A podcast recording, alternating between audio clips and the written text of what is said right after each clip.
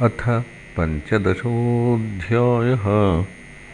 परशुरामावतारः सहस्रार्जुनवधश्च श्रीशुक उवाच ऐलस्य चोर्वशीगर्भातु षडासन्नात्मजान्नृपा आयुः श्रुतायुः सत्यायूरयोऽथ विजयो जयः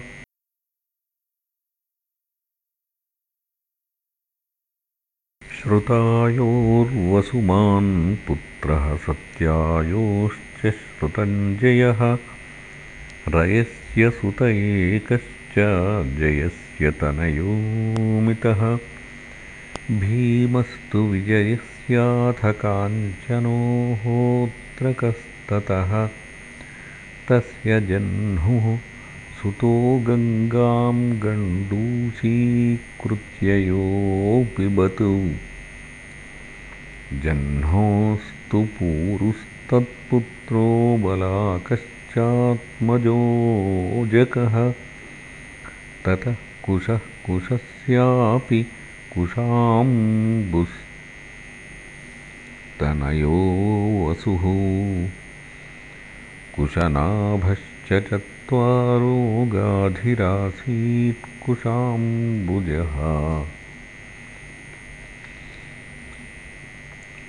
तस्य सत्यवतीं कन्यां रुचीको याच तद्विजः।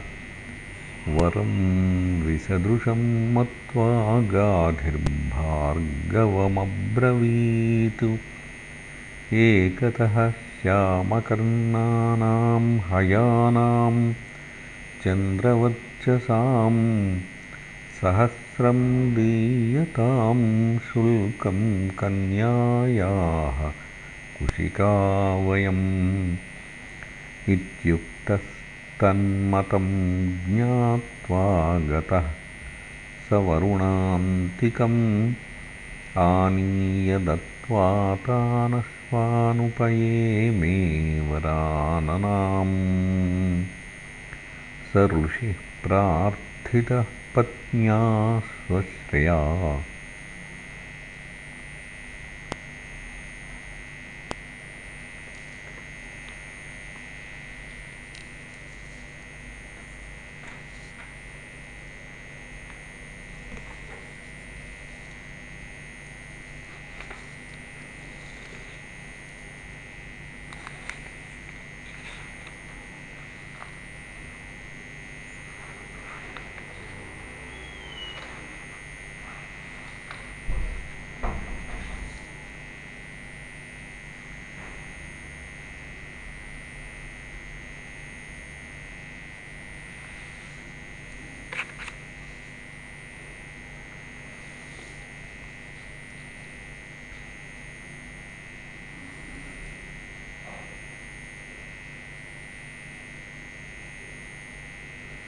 स ऋषिः प्रार्थितः पत्न्या श्वश्र्वाचापत्यकाम्यया श्रपयित्वोभयैर्मन्त्रैश्चरुं स्नातुं गतो मुनिः। तावत्सत्यवती मात्रा स्वचरुं याचिता सती श्रेष्ठं मत्वा तु सा यच्छन्मात्रे मातुरदत्स्वयं। तद्विज्ञाय मुनिः प्राह पत्नीं कष्टमकारशीः।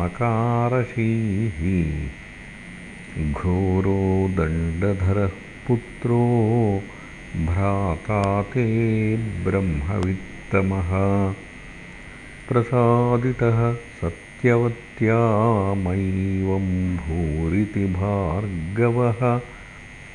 अथ तर्हि भवेत्पौत्रो जमदग्निस्ततो भवतु। सा चाभूत् सुमहत् पुण्या कौशिकी लोकपावनी। रेणोः सुतां रेणुकां वै जमदग्निर्वाहयाम्। तस्यां वै भार्गवऋषेः सुतावसुमदादयः यवीयान् यज्ञयेतेषां रामैक्यभिविश्रुतः यमाहुर्वासुदेवांशं हैहयानां कुलान्तकम् त्रिःसप्तकृत्वो यैमां चक्रे निःक्षत्रियां महीम्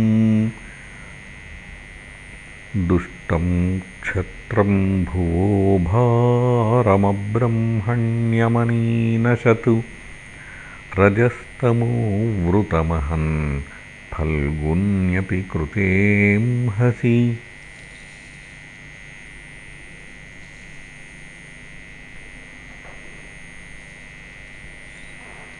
राजोवाच किं तदंहो भगवतो राजन्यैरजितात्मभिः कृतं येन कुलं नष्टं क्षत्रियाणामभीक्ष्णशः। श्रीबादरायणिर्वाच हैहयानामधिपतिरर्जुनः क्षत्रियर्षभः। दत्तं नारायणस्यांशमाराध्य परिकर्मभिः। बाहून् दशशतं लेभे दुर्धर्षत्वमरातिषु अव्याहतेन्द्रियौजः श्रीतेजो वीर्ययशोबलम् योगेश्वरत्वमैश्वर्यम् गुणायत्राणिमादयः चचाराव्याहतगतिर्लोकेषु पवनो यथा। स्त्रीरत्नैरावृतः क्रीडन् रेवाम्भसि मदोत्कटः वैजयन्तीं स्रजं बिभ्रद्रुरोध सरितं भुजैः। विप्लावितं स्वशिबिरं प्रतिस्रोतःसरिज्जलैः नामृष्यत्तस्य तद्वीर्यं वीरमानी दशाननः। गृहीतो लीलया स्त्रीणां समक्षम् कृतकिल्बिषः माहिष्मत्यां संनिरुद्धो मुक्तो येन कपिर्यथा स एकदा तु मृगयां विचरन् विजने वने यदृच्छयाश्रमपदं जमदग्नेरुपाविशतु। तस्मै स नरदेवाय मुनिरर्हणमाहरतु। ससैन्यामात्यवाहाय हविष्मत्या तपोधनः स वीरस्तत्र तद्दृष्ट्वात्मैश्वर्यातिशायनम् तन्नाद्रियताग्निहोत्रियाम् साभिलाषः सहैहयः। हविर्धानीं ऋषेर्दर्पान्नरान् हर्तुमचोदयतु ते च माहिष्मतीं निन्युः सवत्सां क्रन्दतीं बलातु। अथ राजनिर्याते रामाश् श्रममागतः श्रुत्वा तत्तस्य दौरात्म्यं चुक्रोधाहिरिवाहतः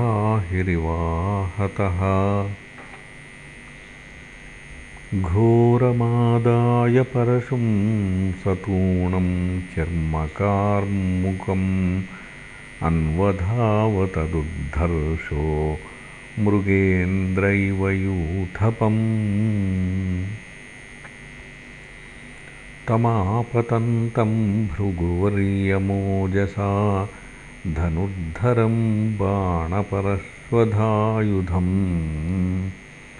ऐणेयचर्माम्बरमर्कधामभिः युतं जटाभिर्ददृशे पुरीं विशन्। अचोदयद्धस्थिरथाश्वपत्तिभिः गदासि बाणर्ष्टिशतघ्निशक्तिभिः अक्षौहिणीः सप्तदशातिभीषणाः तारामयेको भगवानसूदयतु।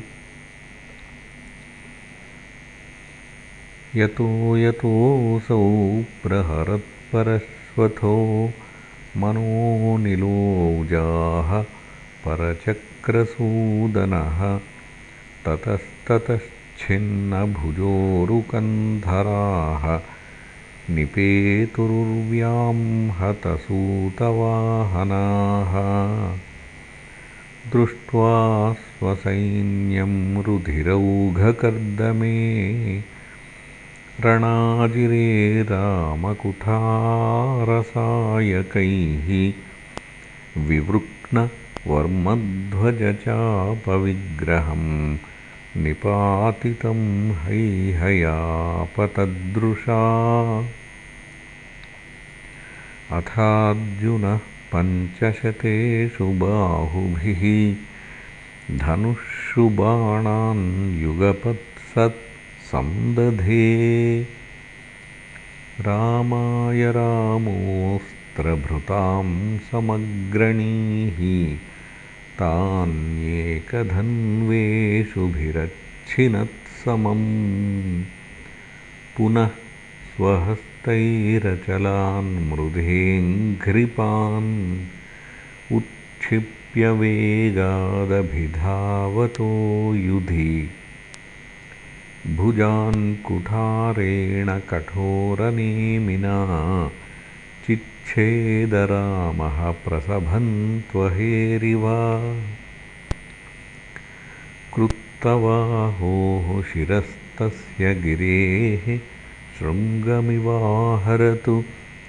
हते पितरि तत्पुत्रा अयुतं दुद्रुवुर्भयातु अग्निहोत्रीमुपावत्य सवत्सां परवीरः समुपेत्याश्रमं पित्रे परिक्लिष्टां समर्पयतु। स्वकर्म तत्कृतं रामः पित्रे भ्रातृभ्य एव च। वर्णयामास तत्श्रुत्वा जमदग्निरभाषत राम राम महाबाहो भवान् पापमकारशीतु। अवधीन्नरदेवं यत् सर्वदेवमयं वृथा। वयं हि ब्राह्मणास्तात क्षमयार्हणतां गताः। यया लोकगुरुर्देवः पारमेष्ठ्यमगात्पदम्। क्षमया रोचते लक्ष्मीर्ब्राह्मी सौरी यथा प्रभा। क्षमिणामाशु भगवांस्तुष्यते हरिरीश्वरः।